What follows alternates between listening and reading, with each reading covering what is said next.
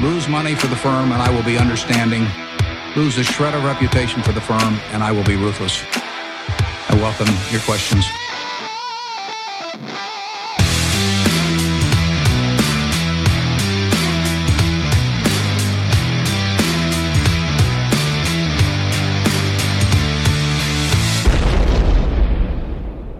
Välkomna till Kvalitetsaktiepodden. Det är jag som är Ola. Ja, och det är jag som är Klas. Eh, Det här är avsnitt nummer 39. Oj, Så nu närmar vi oss ett nytt jubileum. Det kan bli dubbeljubileum nästa avsnitt om vi är lite duktigare va? Mm.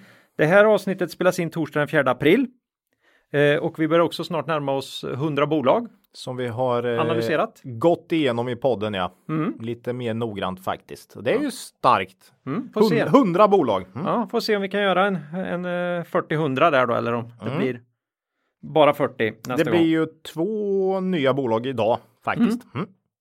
Eh, så är det. Eh, vi börjar ju bunkra upp med chips och popcorn nu redan inför nästa rapportperiod. Ja, Ja, men eh, vi saknar ju det. Det är ju vårat verkliga livselixir, de här kvartalsrapporterna. Ja, det är ju som en, eh, du vet, en sån här lång följetong med tv-serier som aldrig tar slut va? Nej, Mm. det kommer hela tiden nya avsnitt. Det är helt fantastiskt. Vet man vad man har att göra på kvällarna då. Mm. Eh, Så istället idag så som vi har lovat ska vi blicka neråt i aktielistorna. Mm. Vi går på de riktigt låga börsvärdena. Ja, Eh, och det här är ju alltså då Dagens analyser är återkomsten av ett av de absolut mest populära inslagen vi har haft. Ja, det var jättemånga. Det var ett år sedan Ja, ungefär va? ja mik- mikrobolagsavsnittet då. Mm. Ja, nu, nu försökte du antyda, jag tror inte lyssnarna kanske inte tyckte om det så mycket, men du och jag tyckte ju det var Roligt. i, i, skitkul ju. Ja, det var så, så jättepopulärt var det hos oss då. Ja, 8 mars tror jag det var. Mm, så lite- 2018 som vi hade ett mikrobolagsavsnitt eh, senast. Mm, det var det. Eh, vi älskar ju småbolag. Ja, det är kul. Eh, och det är ju det att det finns ju som värdeinvesterare idag så är man ju lite tillväxtinvesterare hävdar ju vi då och eh, i ett småbolag finns ju alltid den här strimman av hopp om att fasen vad de här skulle kunna växa. De flesta gör ju inte det då. Nej, Nej, kan ju alltid gå till noll också så att säga. Men, Mm. men det här, de är så små, marknaden är så stor. Det är klart det kommer bli. ja, de har, de här, har en sån pytteliten del av, Ja, av ja. den potentiella kakan. Ja, Ja. det är underbart ju. Nej, men så är det. Större risk, större potential. Mm. Eh, så är det och så gäller det att försöka väga av det där då. Mm. För den här riskjusterade avkastningen där. Mm. Ja, vi vill eh, som vanligt tacka vår samarbetspartner Börsdata. Det är ju värdeinvesterarens bästa vän. Ja. Och ett jätteviktigt verktyg för oss när vi håller på och försöker kråla runt för att hitta nya småbolag Mm. att Absolut. plåga våra lyssnare med då. Mm. Eh, superkul. Mm. Eh, så det blir lite aktuellt. Och så blir det fyra mikrobolag då idag. Ja, den här gången, alla har ju börsvärde runt 50 miljoner. Ja, Så det är vi, inga vi stora. klockar ju in lite, lite över och det är ju vi tar ju med ett bolag här som vi hade med förra året som har lyckats kravla sig upp lite, lite, lite grann. Och då, Ja. ja, så kan det vara. Ja. Eh, så att eh, det blir, det, men det är, det är runt 50 miljoner kan vi säga i på, börsvärde. på alla fyra. På alla fyra. Inte tillsammans då, utan nej, nej, där, Mm. Där, där är det för mikro även. Ja, för oss. Ja, det, är ju, det måste ju vara bolag på fallrepet verkligen om man ska hitta sådana. Mm. Ja, men innan vi går vidare med det då så vill vi påminna våra lyssnare om att aktieinvesteringar alltid innebär ett stort risktagande. Aktier kan både gå upp och ner i värde. Satsa därför aldrig kapital på aktier som du inte är beredd att förlora. Det vi säger i podden ska aldrig betraktas som köp eller säljrekommendationer. Gör alltid din egen analys av bolagen innan eventuell handel. Extra viktigt idag kanske. Ja, Med tanke på. oerhört viktigt idag. Ja. Allt vi pratar om idag är inte kvalitetsbolag vill jag också Nej, och påpeka. eh, väldigt små bolag. Så eh, oerhört viktigt. mm. Mm. Då hoppar vi in på lite aktuellt här då. Mm. Eh, vi hade inte jättemycket idag, men vi som Ja, vi vanligt. tänkte ju hugga ner i de här bolagen. eh, Ja. Men, men några grejer va? Ja, H&M eh, pratar vi pratar ju alltid om H&M när det händer något i H&M. Ja. Det har vi alltid gjort. Nej, blev ju. eh, Rapporten tyckte jag var ungefär som väntat. Eh, Jag, jag tycker analytikerna har verkligen kämpat med och, och, och liksom tävlat om vem som kan sänka förväntningarna mest i H&M. Eh, och jag tycker, eh, nej, det känns som att det värsta kan vara över i H&M faktiskt när man kollar på, på den senaste rapporten. Mm. Eh, som faktiskt var klart bättre än vad de flesta hade väntat. Um, och aktien är ju inte billig direkt, men uh, verksamheten verkar i alla fall, tycker jag, bottna ur. Vissa tecken på det. Mm. Uh, så nej, vi, vi har väl varit en av de få som har hela tiden ändå hållit fast vid att H&M kan vara ett bra långsiktigt case. Mm. Men aktien är inte särskilt intressant tycker jag i dagsläget, men verksamheten börjar ju ändå vända faktiskt. Ja, och vi vågar ju inte ta med i buy and hold och sådär så att. Nej, eh, nej. Så, så Jätte- det är ju en enorm omställning inom retail. Ja, det är ju det. Och så, ja. många år. Det kommer skvalpa fram och tillbaka i många år till. Alltså. Mm, mm. Det, det vi hoppas ska kunna hända är ju att de här bolagen som lever på ri- riskkapital någon gång måste tvingas syna korten. Och känns det inte lite som att det har börjat hända lite grann? Ja, jag, jag tycker faktiskt. Nu har ju Zalando gått upp ganska mycket på börsen här, men äh, ja, vi håller ju fast vid det här vid, vid liksom att de starka gammel retail kan man säga då. Eh, de starka bolagen som kanske har bra varumärken och så att de kan klara sig då eh, och har ju bättre lönsamhet. Eh, om du kollar Phoenix Outdoor och många av de här eh, varumärkesbolagen. Mm. H&M har ju bättre lönsamhet än vad Zalando och Boost och de här har. Så ja, jag, jag tror nog att det värsta kan vara över i H&M för den här gången. Mm. Så får vi se vad den långa trenden blir så att säga. Men eh, känns lite positivt faktiskt. Och försäljningen i eh, jämförbara butiker har ju slutat minska nu. Eh, oerhört viktig parameter att hålla koll på i H&M. Mm. Direktavkastningen är ju fantastisk här och eh, pappa Persson ska väl eh, köpa ännu mer aktier för eh, nästa utdelning. Ja. Han fortsätter väl. Han, lå- han tar ju upp lån i bolaget för att kunna köpa tillbaka det Ja, själv. Ja, det är ju jätteudda alltså. Det, det kan ju inte, det är märkligt att det är lagligt, men så, så kan man göra. så kan man göra. Spännande. Ja, det var eh, det om H&M. Ja, sen har vi en annan. Det, det är lite annan size på det än, Ja. än bolagen vi kommer gå in här på sen. Ja, Ja, de har väl eh, enstaka butiker de bygger om för den här typen av pengar som vi, som vi har bolag i här nu. Ja, ja. Ja. Eh, Kinnevik, vi pratade ju investmentbolag senast. Eh, fick ju mycket uppmärksamhet runt det.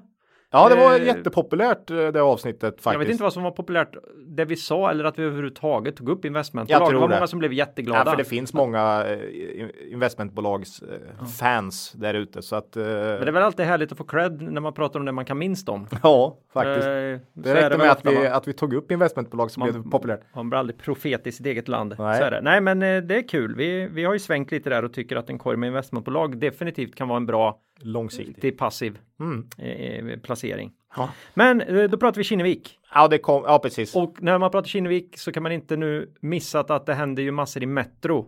ja. Den här eh, gratis annonstidningen. ja, som är lite på fallrepet här. Ja, inte så lite va? Nej. Det har väl havererat fullständigt. Ja, då. kan man säga. Mm. Eh, Men Kinnevik kom, det var ju ett av de här uppstickarbolagen som är sprunget ur Kinnevik ju.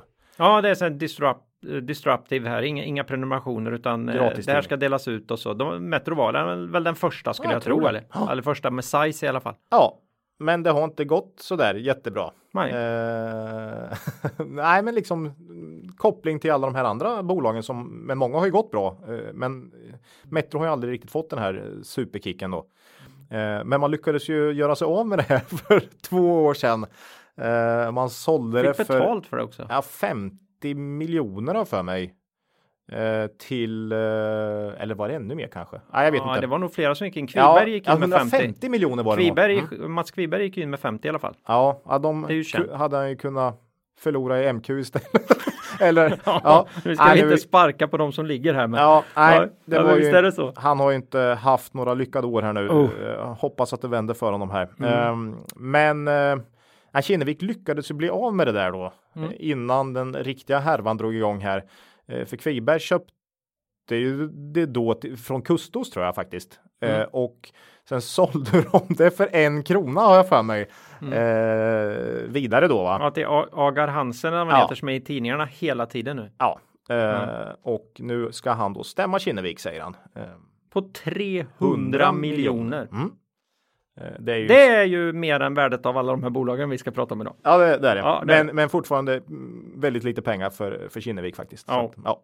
Eh, Jag nej, tror inte de behöver vara så rädda. Han verkar ju vara jag vet inte. Ja, en liten hund som skäller väldigt högt. men ändå, ja, bra. Kinnevik. Mm, Eh, snyggt att du gjorde så med.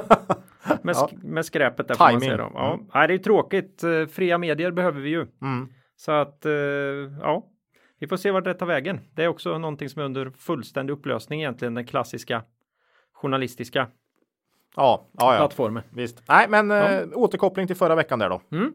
Mer om det tycker jag inte vi behöver ta idag. Nej. Nej. Bra, då kan vi ju raskt hoppa in på våra fyra mikrobolag. Ja. Två nya i podden då. Ja, exakt. Eh, vi, hade, vi hade börjat spana lite på ett bolag till, men vi inser ju att nej, det, det är alldeles för stort för det här. Det är typ tre gånger så stort eller något, så det tar vi nästa avsnitt. Ja, vi behöver inte avslöja nu vad det är, men det kommer i nästa podd. Mm. Utan vi kör fyra stycken här idag. Ja. Eh, två, två stycken som var med förra året som vi hälsar på igen och två nya. Mm. Ska vi, ska vi ta bolagen då som vi kommer ta upp här? Ja, ja, absolut. ja kan, du, kan du säga Ola här?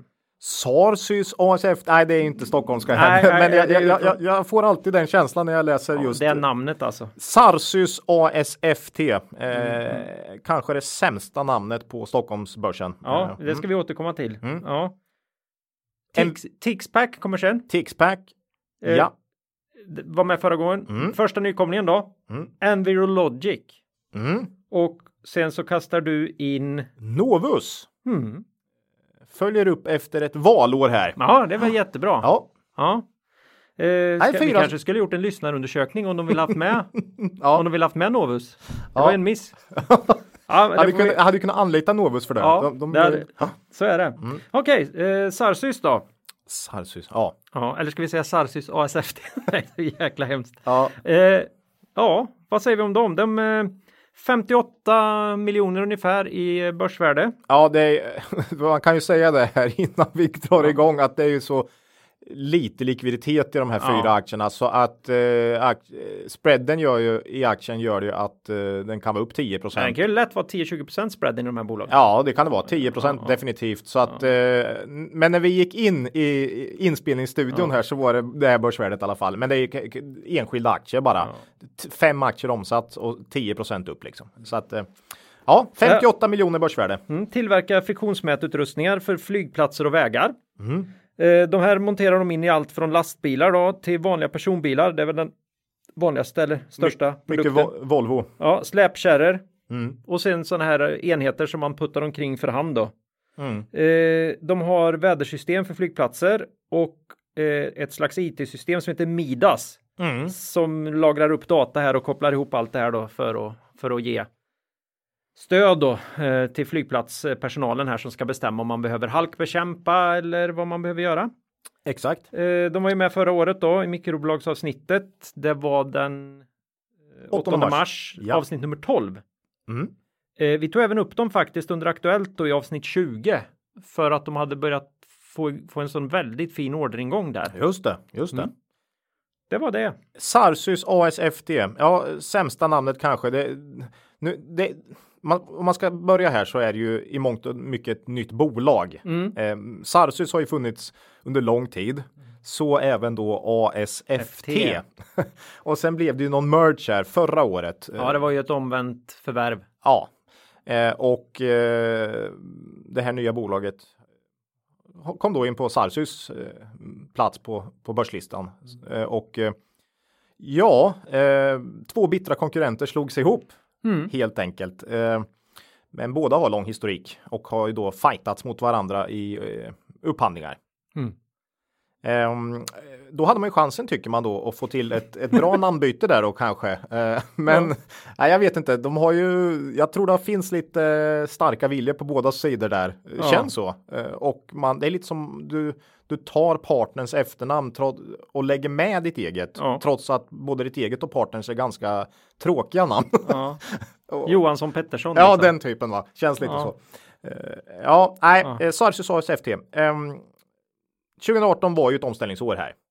Eh, just eftersom man slog ihop de här två delarna. Ehm, och eh, när två så liksom stora rivaler slås ihop, det brukar ju sällan bli smärtfritt. Och det var det ju inte för Sarsus heller här då, förra Nej, nej. året. Eh, det var ju inget bra år. Nej, man Och- bytte ju vd där till ASFTs gamla vd Ja. och storägare. Och... Ja, det verkar lite friktion med, ga- med gamla vdn här då. Nej, det så. vet vi ju inte, men det, det känns så.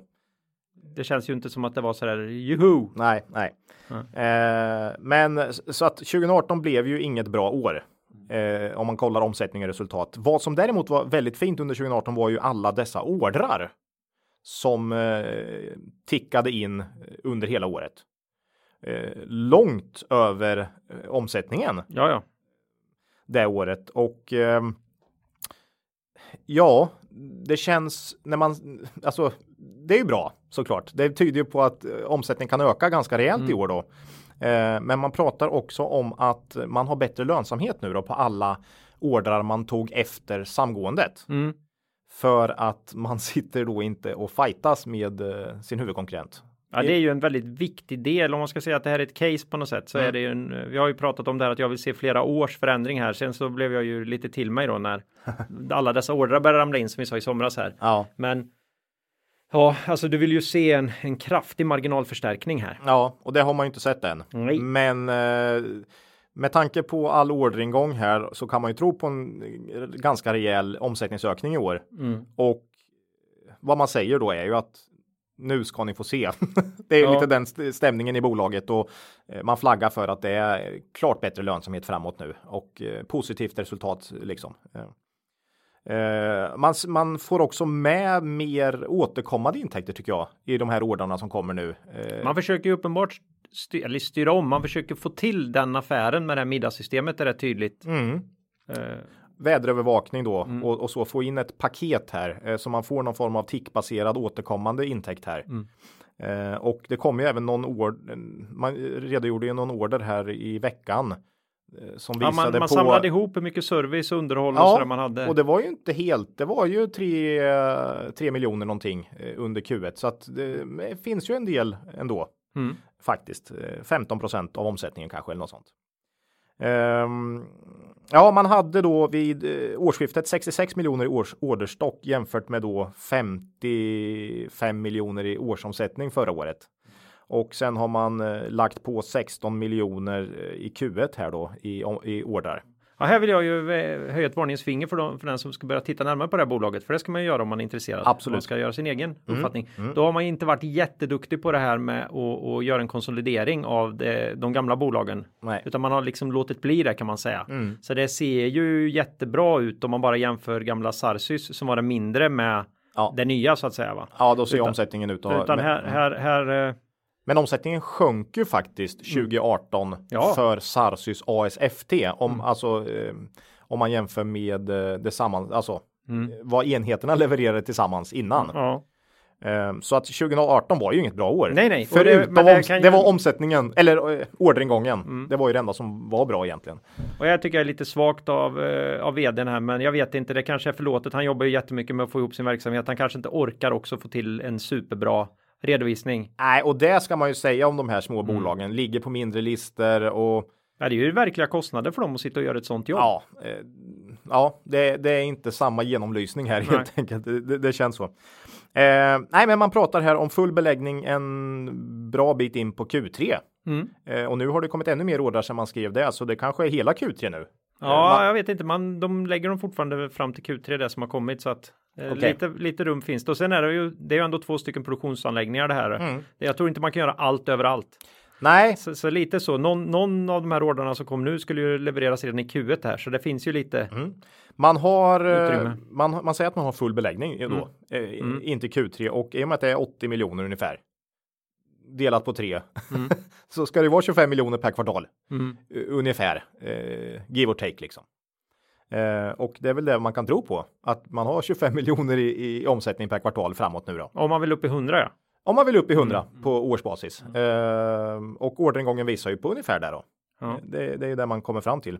Och då ska ju liksom, då är omsättningen plus eh, 75 procent i 2019. De tog en jätteaffär förra året. Gjorde de. 35 miljoner på ett bräde här Mm. från, eh, det var säkert Swedavia då va? För att Ja. det skulle vara den sizen. Ja, precis. Eh, och eh, av dem skulle 20 miljoner ut i 2019. Mm. Eh, resten var nog sådana eh, service av, det var ju en, en, ett ramavtal. Ja. liksom.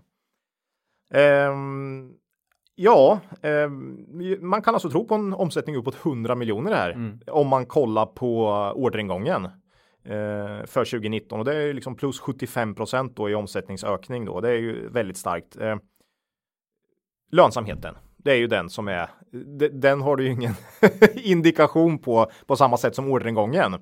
Ja, här är. Tror man på vdn så kommer den ju, är den ju stärkt. Ja, den ska ju upp Ja. helt enkelt. eh, Och det måste, ja, eh, om det inte blir så, då känns det här ganska dött skulle jag säga. Eh, Mm. Ja. Han har ju varit ute på en hel del sådana här, inte kapitalmarknadsdagar, utan vad heter det här nu då, när de samlar ihop en massa bolag och Investerarträffar. investerarträffar och sådär. Ja. Och det är ju, jag vet inte, jag tror att det har sagts rakt ut att, vi, att det är helt nya marginaler i det nya bolaget nu när, när de här bittra konkurrenterna har Mm. Ja. tagits ihop och då, då måste det ju visa sig här. Och samtidigt har man minskat personalstyrkan då Mm. eh, ganska eh, avsevärt. Och bättre, å- bättre marginaler på ingående och Jag tror 4 miljoner per år va? ja, Eh, utan att det ska kosta verksamheten någonting. I, Och man i har ju- minskade ja. personalkostnader. Eh, man har en bruttomarginal som närmar sig 50% nu Mm. har varit stigande här också så att eh, mm, nej, jag tror om man liksom bara kollar lite snabbt på det att man kanske säkert kan landa på en 10 ebit marginal. Mm. Det känns inte otroligt om man har lite bättre marginaler på, in, på, på försäljningen och dessutom lite minskade kostnader.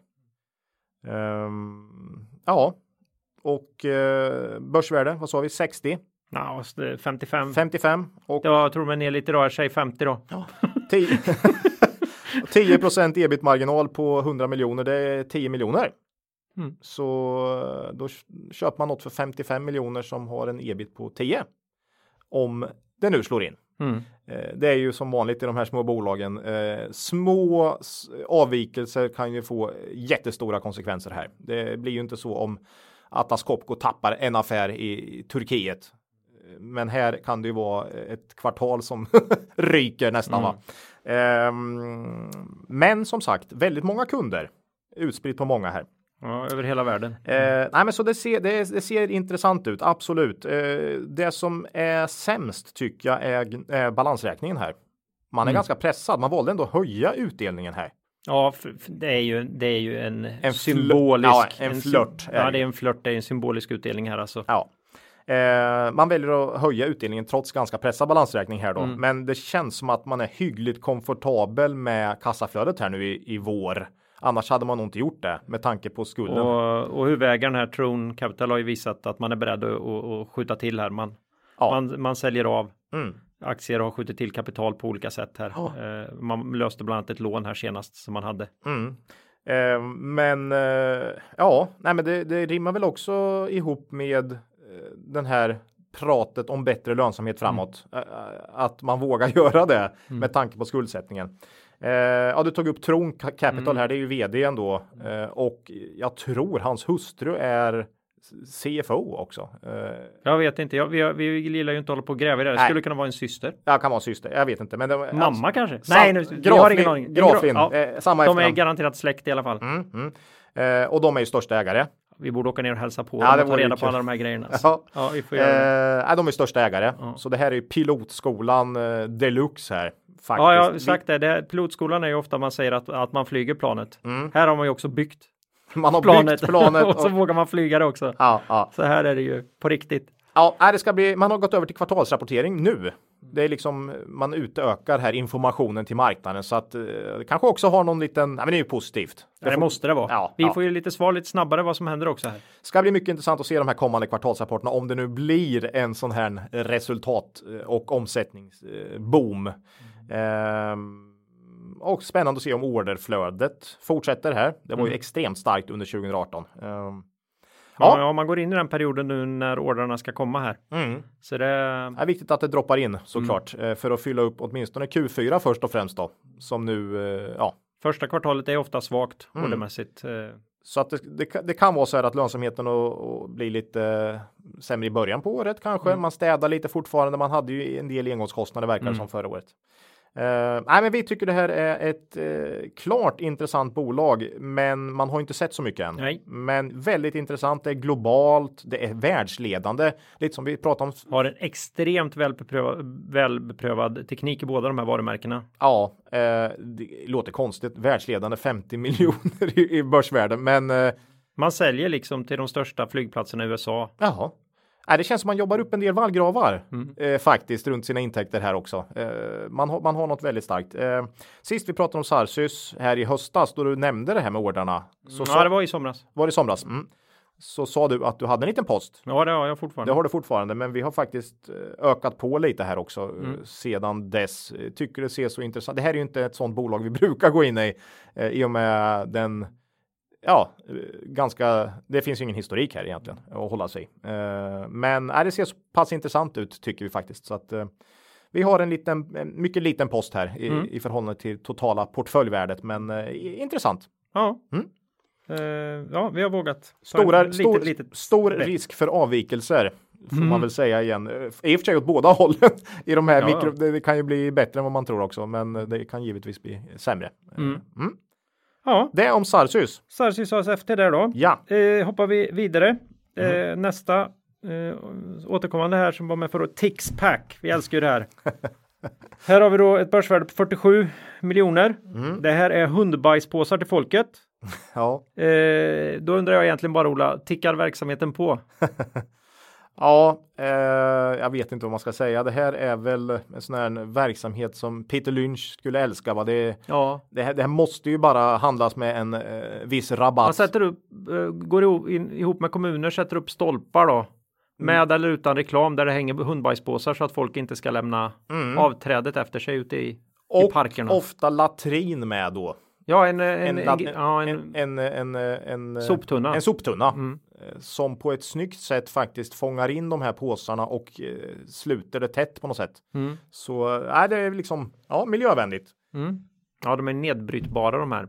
Ja, ehm, Inte sagt under vilka förhållanden. nej, nej, men eh, kollar man på Tixpack här då senaste sex åren så har man faktiskt ökat vinst och eh, omsättning med i runda slängar 10% per år. Mm. Eh, Väldigt fint. Alla kontrakt löper på två år. Så det ger ganska bra stabilitet. Det är liksom ganska långa avtal här. Och det ser man ju också att eh, omsättningen är stabil över åren liksom. Eh, med en viss ökning. Eh, antal sålda sådana platser ligger dock ungefär på samma nivå varje år nu senaste åren. Det är runt 2000 Mm. per år. Så de har inte ökat så mycket. Men i och med att man inte verkar tappa någon omsättning så så lägger man bara på va lite grann eh, så att man har en, en vettig tillväxt.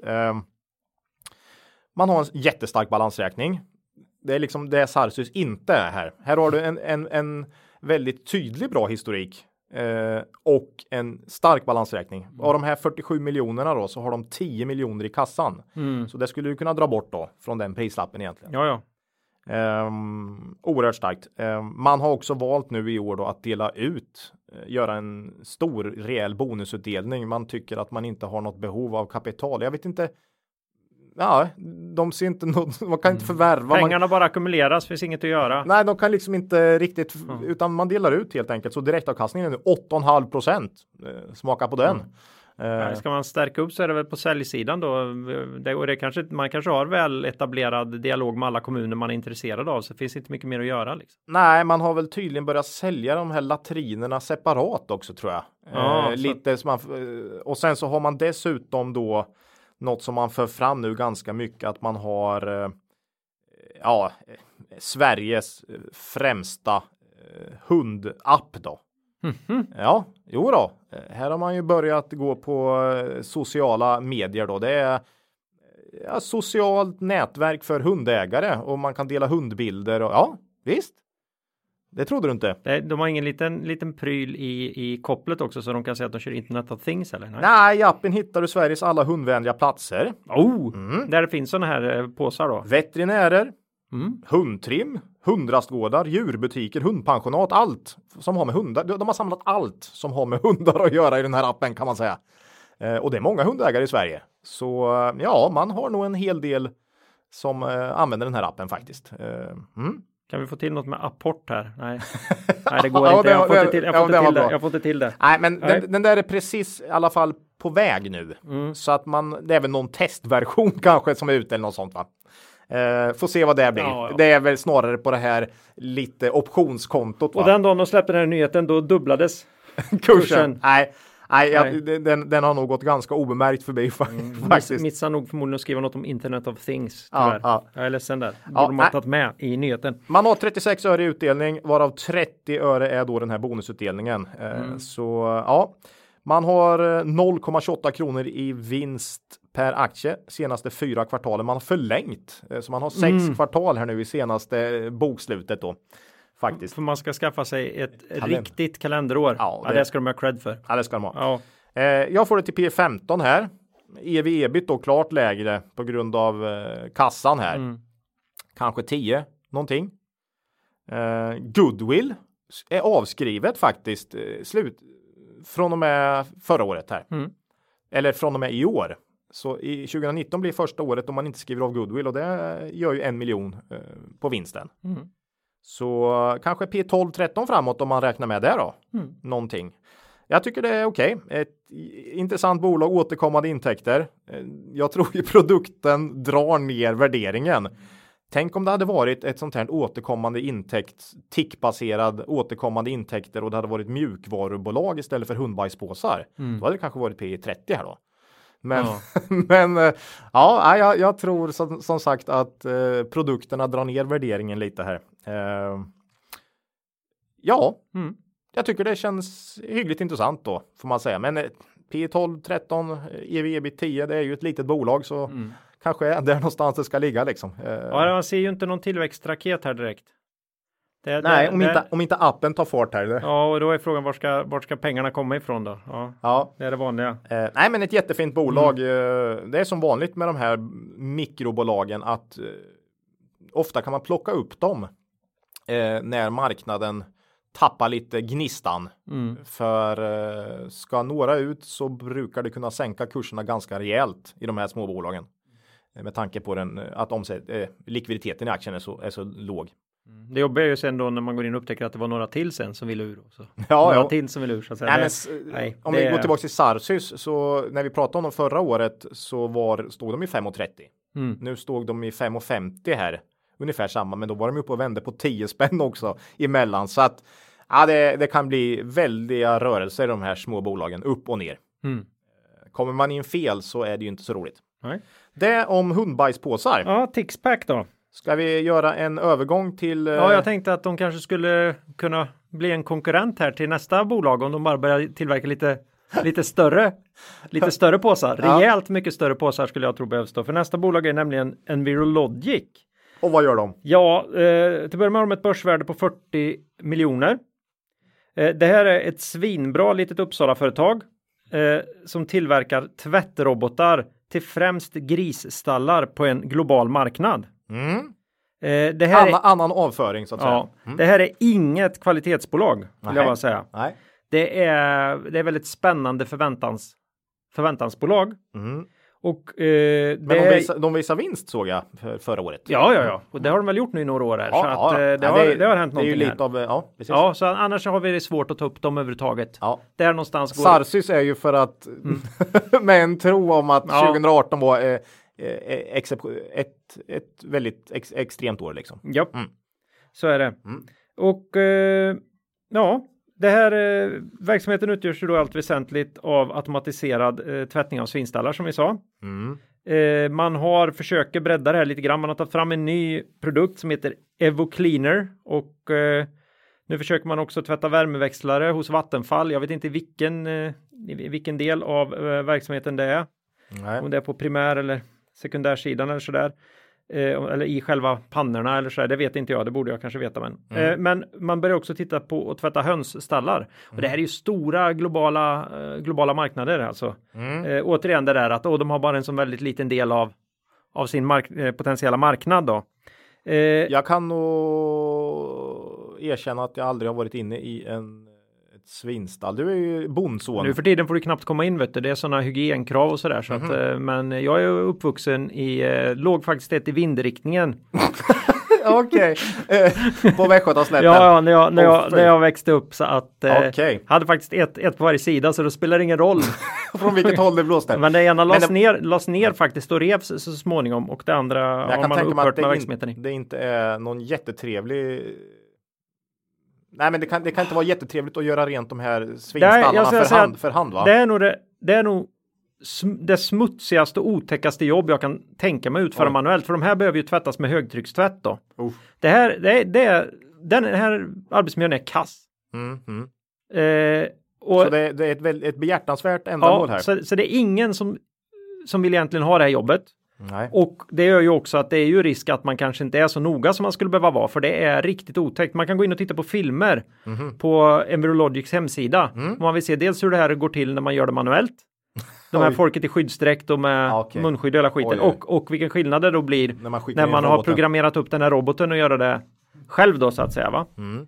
Eh, och, och då kan man, det är lätt att ha massa olika adaptrar och grejer på de här eh, på robotarna också som man kan komma åt vid svå, svåra ställen och sådär. Mm. Eh, så jag tror ju att det här är en eh, fantastisk produkt, men det är ju en investeringskostnad då för de här eh, för de här grisbönderna kanske man inte får kalla dem. Det är ju stora företag, många av de här, här Mm. grisproducenterna då. Just det. Eh, så att ja, jätte jätteintressant eh, produkt, en sån där återigen man säger varf, varför är inte det här världens största produkt då? Mm, mm. Och det tycker väl vd också. Och en kvalitetsstämpel här är ju att för något år sedan började man få, få konkurrens då. En fransk, något franskt bolag som började tillverka också sådana här tvättrobotar, eh, tror jag det var. Och det, det välkomnar han. Mm. Att förstå det, att det är bra för oss att, Ja. att få konkurrens, att det, här, att det blir självklart att man ska ha en sån här robot, Nå- är bra för dem så att säga. driver Det, marknaden. det blir standard i marknaden då. Mm, mm, just det. Eh, och det, sen finns det också konkurrens i något som kallas walking floor eh, lösningar, att man helt enkelt har golv som rör sig väldigt, väldigt, väldigt långsamt i de här svinstallarna och för med sig då Bajs. eh, bajset ut då så att säga. Va? Mm. Men vad är grejen med det här bolaget? Varför har vi med de här? Jo, det har lämnat en Envirologic. ja. Envirologic, ja, de har lämnat en turbulent tid bakom sig. Det var riktigt eh, tjafsigt där för några år sedan. Det var nekades ansvarsfriheter och grejer och Mm, mm. haft det lite svårt med finansieringen och sådär. Nu har man skaffat sig en rejäl nettokassa. Jag tror man har en halv årsomsättning. Eh, årsomsättning här nu då i, eh, Kassa. i kassan och det har man fixat genom två optionsprogram och att man faktiskt har gjort lite vinster här nu då. Mm. Eh, den ena tog, gick in vid den här tiden förra året och löstes till 80% tror jag och den andra löses in nu. Okej. Lite tyvärr för bolaget då så gör, görs det ju på de här miniminivåerna. Mm. Eh, den har haft en tendens och, så fort de här lösensperioderna kommer så har aktien Rört sig va- mot. mo- mot den här lägsta nivån då. Eh, 4,50 ungefär står aktien i då och en sån här option kostar en spänn så 3,50 Mm. eh, är, väl, är väl lösenkursen på dem här nu då. Mm. Eh, och eh, ja, de har ökat försäljningen. Mm. Man har en eh, ny bra produkt, den här Evo Cleanern. Mm. Man försöker verkligen öka säljtrycket i Danmark som är ju Nordens gris, eh, produ- stora gris eh, producerande land. Mm. Och jag, jag tänker att det måste nog bli som en hemmamarknad för bolaget om det här ska bli någon volym, någon storlek i det här på sikt. Mm. Och man byter säljare där igen, men man, man håller på att etablera sig med ett säljbolag där då. Mm. Eh, och anledningen att det har gått dåligt där är ju den torra sommaren. Ja, jag såg eh, för, första halvåret 2018 var ju väldigt fint. Eh, Ja. Sen dog det Allt. lite här känns det som. Andra halvåret 2018 var riktigt kass. Nej, det Eh. blev ju inget, eh, blev ju inget foder. Nej, Det är ju, det har ju kostat de här stackars producenterna, alltså många har nog producerar inte de volymerna som man hade tänkt. Nej. Man har helt enkelt inte. man hade inte foder till och då kunde man inte eh, köpa in de här robotarna. Mm. Nej. Man la inte pengarna på det helt enkelt. Så att, eh, nej. Utan då fick personalen städa nog. på ett år till. Ja. Men det kanske kan bli någon, kan det bli någon ketchup-effekt här kanske? Man vet aldrig sånt. Nej, svårt. Eh, Man satsar stort på sälj i USA, Kina, Japan. Eh, och då är det ju så här att som de säger på alla mässor och så där, alla är jätteintresserade och man berättar om hur fruktansvärt svårt det är att få folk som vill göra de här jobben längre. Och då har de Vår, mont, vår monter var välbesökt. Och så här, va? Ja, och jag, jag tror det är sant, men i slutändan så är det någon stackars mexikan då som står och kör, kör de här högtryckstvättarna i USA som det alltid har varit. Mm. Ja. Det är, och jag tippar att det är liknande i Kina och i, i, ganska Japan med va? Ganska rejält investeringsbeslut känns det. Ja. Eller ja, jo, men det, det är det väl.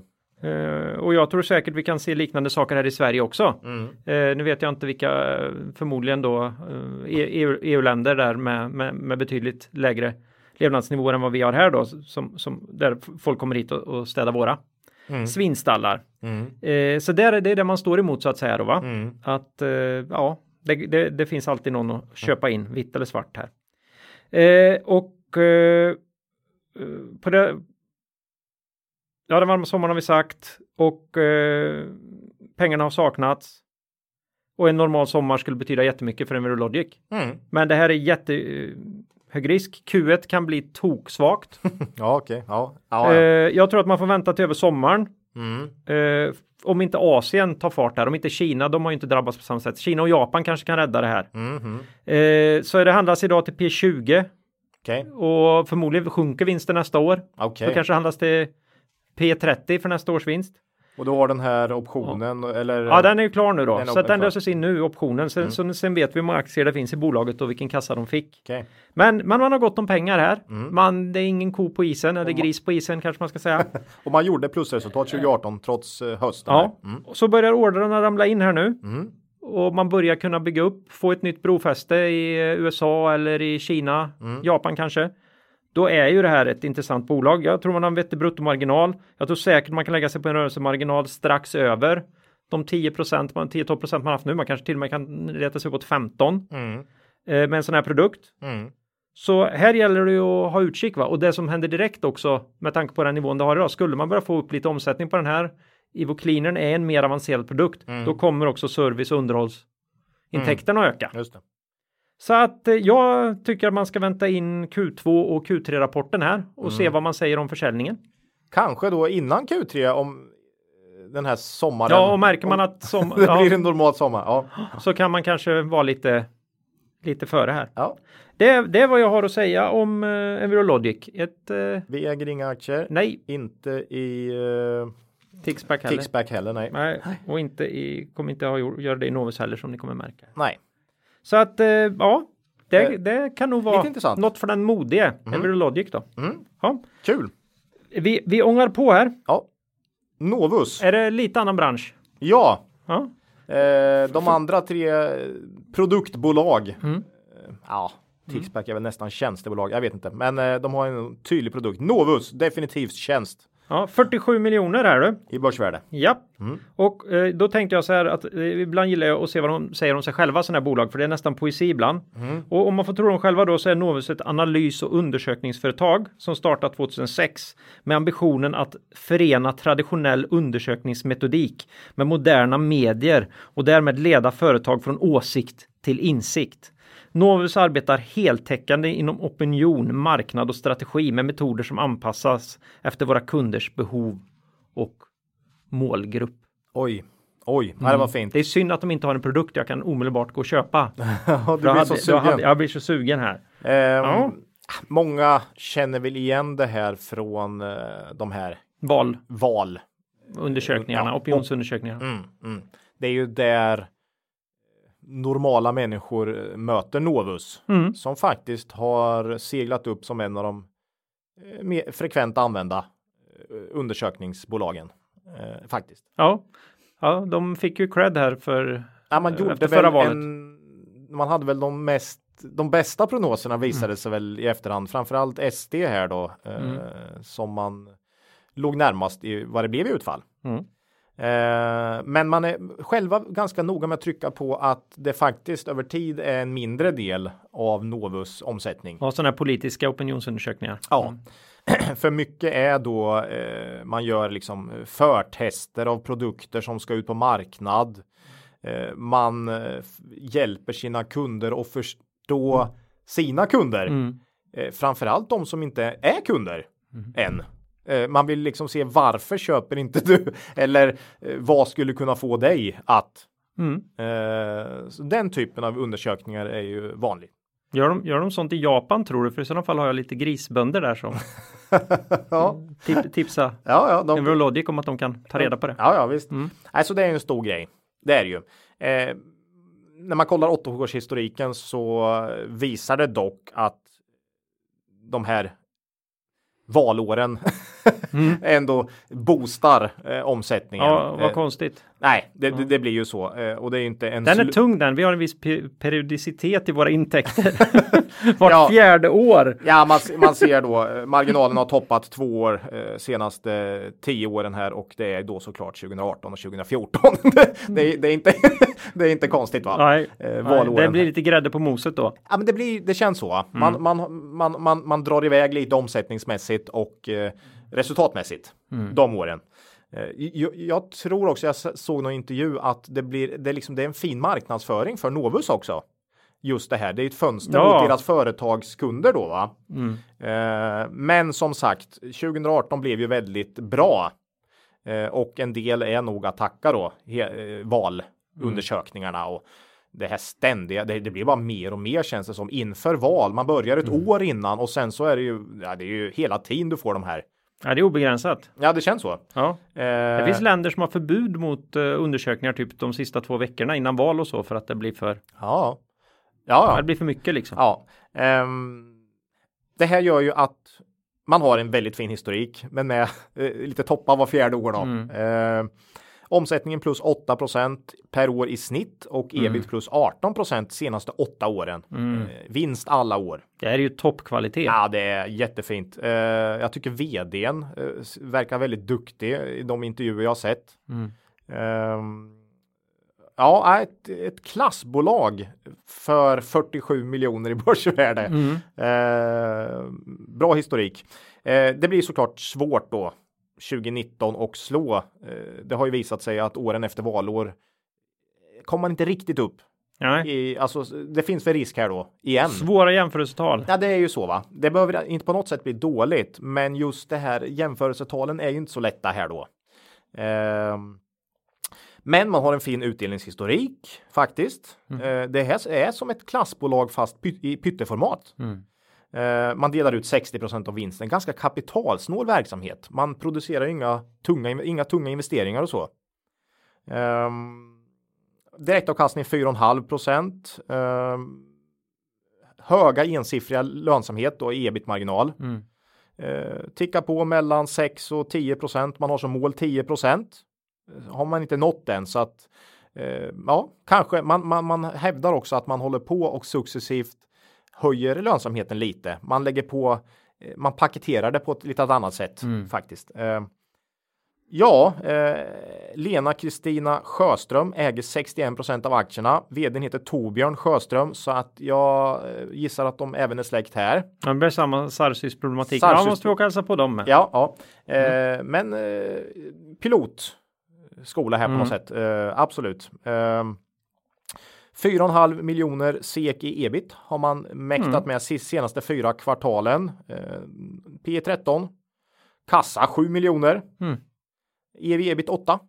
Eh, men som sagt, då är det kanske en lite boostad vinst för, eh, för det här valåret. Mm. Ehm, ja, Big data funderar jag på. Kan de här Google Analytics och det här ersätta de här eh, telefonsamtalen eller vad det nu är. Eh, Man säger ju själv att det inte gör det. För många bolag har bra koll på sina kunder men inte de som inte är deras kunder. Mm. Det är ju det man själv lyfter fram då. Ja, att du kan, de kan ju verkligen ställa vilken fråga som helst. De kan ställa exakt vilken fråga som helst eh, till vilka som helst. Eh, och eh, Ja, det är jättebra. Köpmönster avslöjar ju faktiskt vad du har köpt. Det avslöjar ju vad du inte vad du inte köpte. Mm. Nej, så just det. Ja, lite grann är det ju. Idag trackar de ju vad du tittade på innan du gjorde ditt köp och, de, så här- och sånt här. Så de är ju förjävliga. Men Jag tror nog de har, alltså det finns mycket man kan få Mm. fram i data, men man inser ju ganska fort att det är mycket som datan inte får fram också. ja, det är klart. Eh, nej, jag, jag tycker det här, det här känns riktigt spännande tycker jag. Mm. Det, det känns nog bäst av de här fyra om jag skulle, eh, om jag tittar på kvalitet här.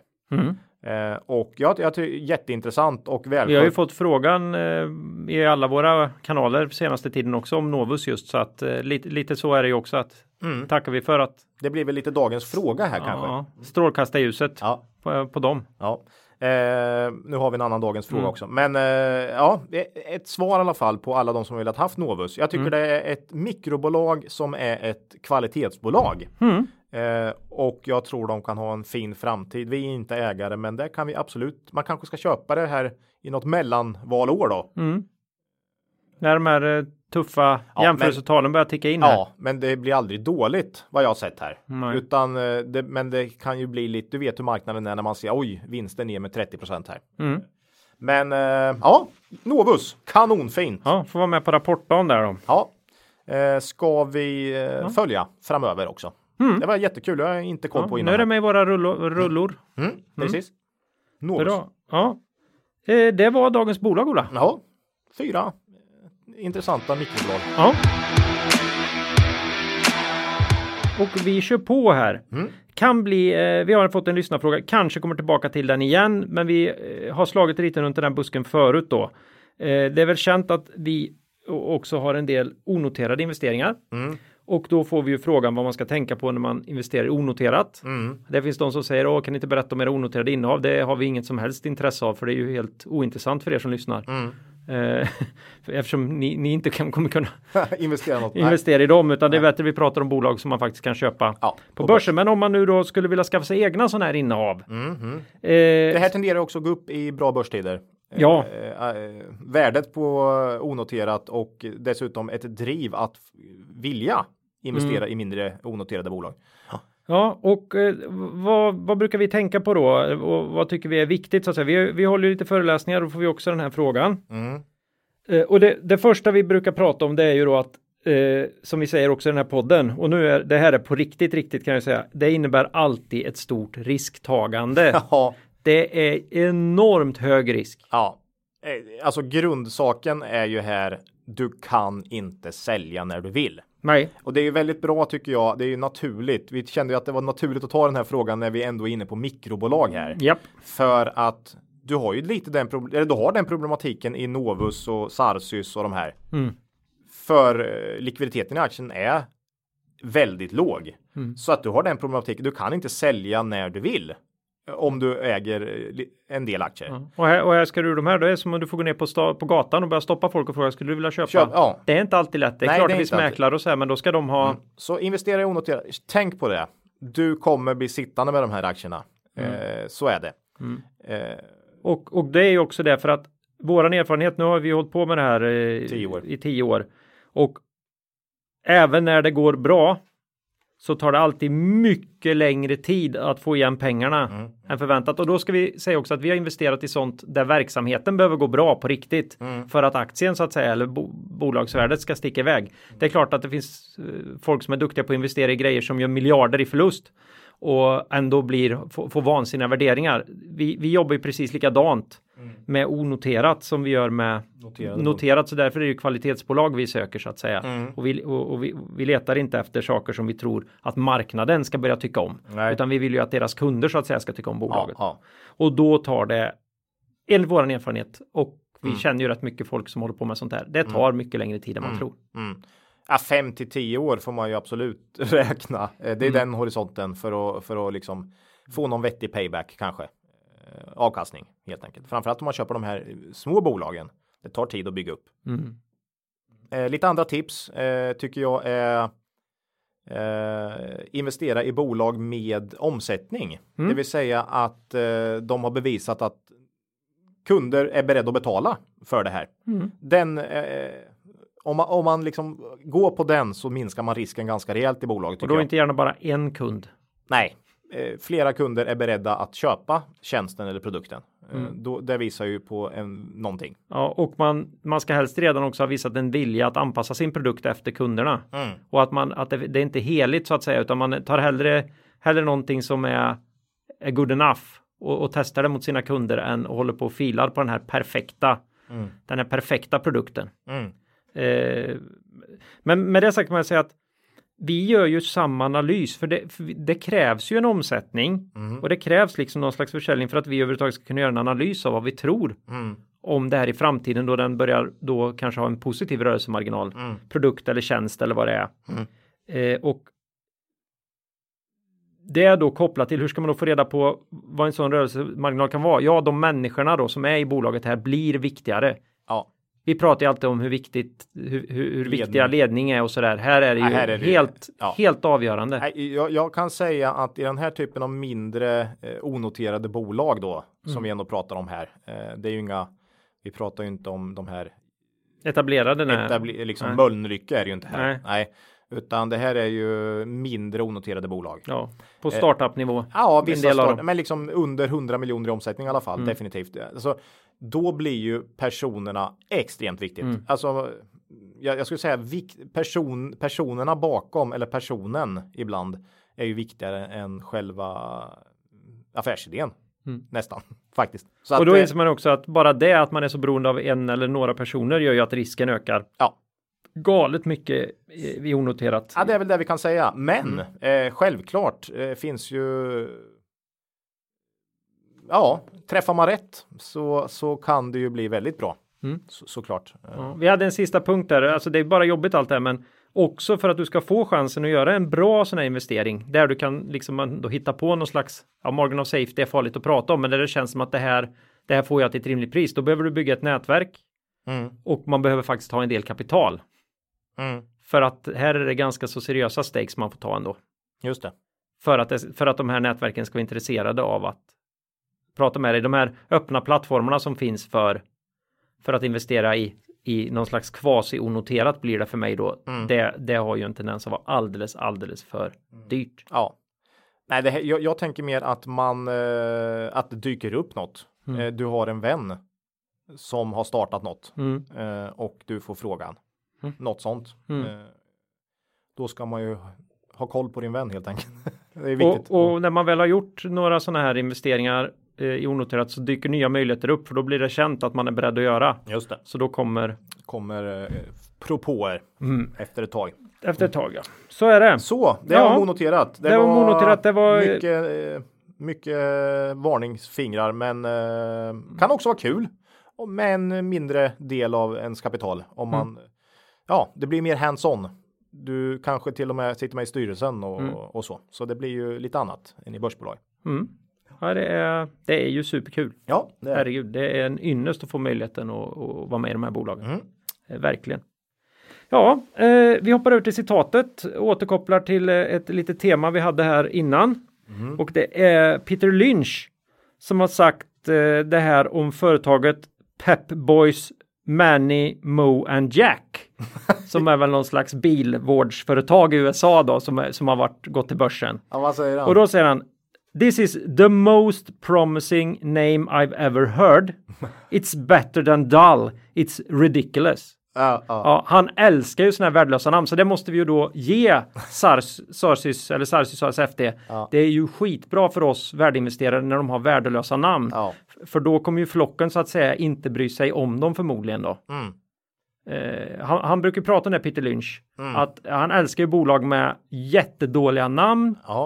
Och eller skit eh, eller, då, eller inte dålig verksamhet men verksamhet som folk tycker är lite otäck. Som han, han och Envirologic och menar här du? är, det ju, här är det ju avföring då som är ett tema. Så lite grann tyckte vi att den här, ja. det är bara Novus. Jag vet inte om Ja, Novus det är är ju- beröringsskräck med vissa politiska partier möjligen. Alltså, som kan, Ja, nej men eh, Peter Lynch har ju rätt där. ja. Vissa bolag kan du få till rabatt på grund av namnet. Eh, ja. eller produkterna. Så nu gäller det alltså för oss Köp in er i, eh, köp in, köp in sig i något av de här och så får de att byta namn då. Nej. ja, eller det är egentligen bara Sarsy som behöver byta namn. De andra har ju en produkt då som är, Ja, ja. som är. Så det spelar ingen roll vad de heter. Jag Nej. tycker Envirologic har en vansinnigt vacker logga för att vara ett så litet bolag. Mhm. Oj. oj, oj, den ska de vara rädda om. Den är Okej, jättefin okej, faktiskt. Jag okej. såg den här när vi höll på. ja. Ja men vad bra. Eh, Det kanske är Sarsys ASFT är något för Lynch. Tipset är ju precis det att Mm. det finns en möjlighet att komma in i sådana här mindre eh, bolag Ja. när de har sådana här namn. Ja, ja. Ja. Nej, roligt. Ja. Ja, det är märkligt. Ja, det var det citatet. Jaha, då börjar jag faktiskt se målsnöret för den här podden. Mm. Och inte i fjärran utan alldeles strax framför oss här Ola. ja. Så eh, då kan vi väl berätta till nästa avsnitt så hoppas vi att det hunnit trilla in några rapporter. Mm, Vi behöver en fix här, sitter och skakar framför skärmarna nu. Ja. Ge oss rapporter, ge oss Ge oss rapporter. rapporter. Ja. Eh, blir ju som sagt var minst ett nytt bolag. Ja. Eh, tror vi behöver två eller tre för att komma upp i 100. Vi får Oj. se, ja, det kan bli svårt. Kan bli svårt. Eh, och eh, ni får gärna mejla oss på kontaktet kvalitetsaktiepodden.se. Ni kan också kommentera oss på Twitter eller skriva till oss på Twitter. Eh, och sen har vi våran hemsida kvalitetsaktiepodden.se. Mhm. Eh, vi försöker svara, eh, har inte haft riktigt den tiden på sistone att vara helt up to date, men vi kommer ikapp nu, det tror jag. Mhm. Och då frågar Ola slutligen något riktigt makro eller TA värt att ta upp idag? Nej, då har vi ju verkligen kört mikro istället för makro. Mm. Mm. Ja, jag tänkte faktiskt eh, ändå avsluta med något, ett, ett lite större bolag här då. Mhm. För jag har nämligen fått in eh, lite förslag då på tillägg eh, till min nya hedgefond. Jaha, som du tog upp förra gången. Ja, jag, jag lanserade ju det i förra avsnittet här. Ja, det Och- var mm, gymbolag och det var Husqvarna och grejer va? Ja, det var, det var häcksaxar och det, det var plantagen och det var grejer då. Mm. Just det, just det. Och eh, då har Nisse G här då som jag tillägnar hela den här satsningen. Mm. Eh, jag har fått uppslaget här eh, att ta in Cap-favoriten Phoenix Outdoor. Mhm. Och det är ju large cap här alltså, så det är ju något helt annat än vad vi har. Oj, den är lång. Eh, Vad har Ja, de du undrar. med att göra? Alltså? undrar jag. Och eh, då, jag är ju en luttrad hedgefondförvaltare numera här. Mm. Jo, du har för mig är det här, två veckor. Mm. det ja, det är ju självklart för mig. För då är det ju så här som Nisse då påpekar här. På Naturkompaniet kan du köpa allt du behöver för att spana in fåglar som häckar. Ja, okej. Ja, vi får se. Det här kan ju spåra ur fullständigt. Det blir Ja, men här- jag tycker det blir ganska bra, fina bolag i den här ja, det, det, hedgefonden. ja det, det är Ja, ja, det är jättefina bolag. ja. Eh, eget ägande. Ja, det var ju, vi har ju en liten post i Sarsys ASFT. Ja. Det är det, inte de andra. Nej. Nej. Då så, då säger vi hej då för den här gången. Och kom ihåg, det är först när tidvattnet drar sig tillbaka som du får se vem som badat naken. Lose money for the firm and I will be understanding. Lose a shred of reputation for the firm and I will be ruthless. I welcome your questions.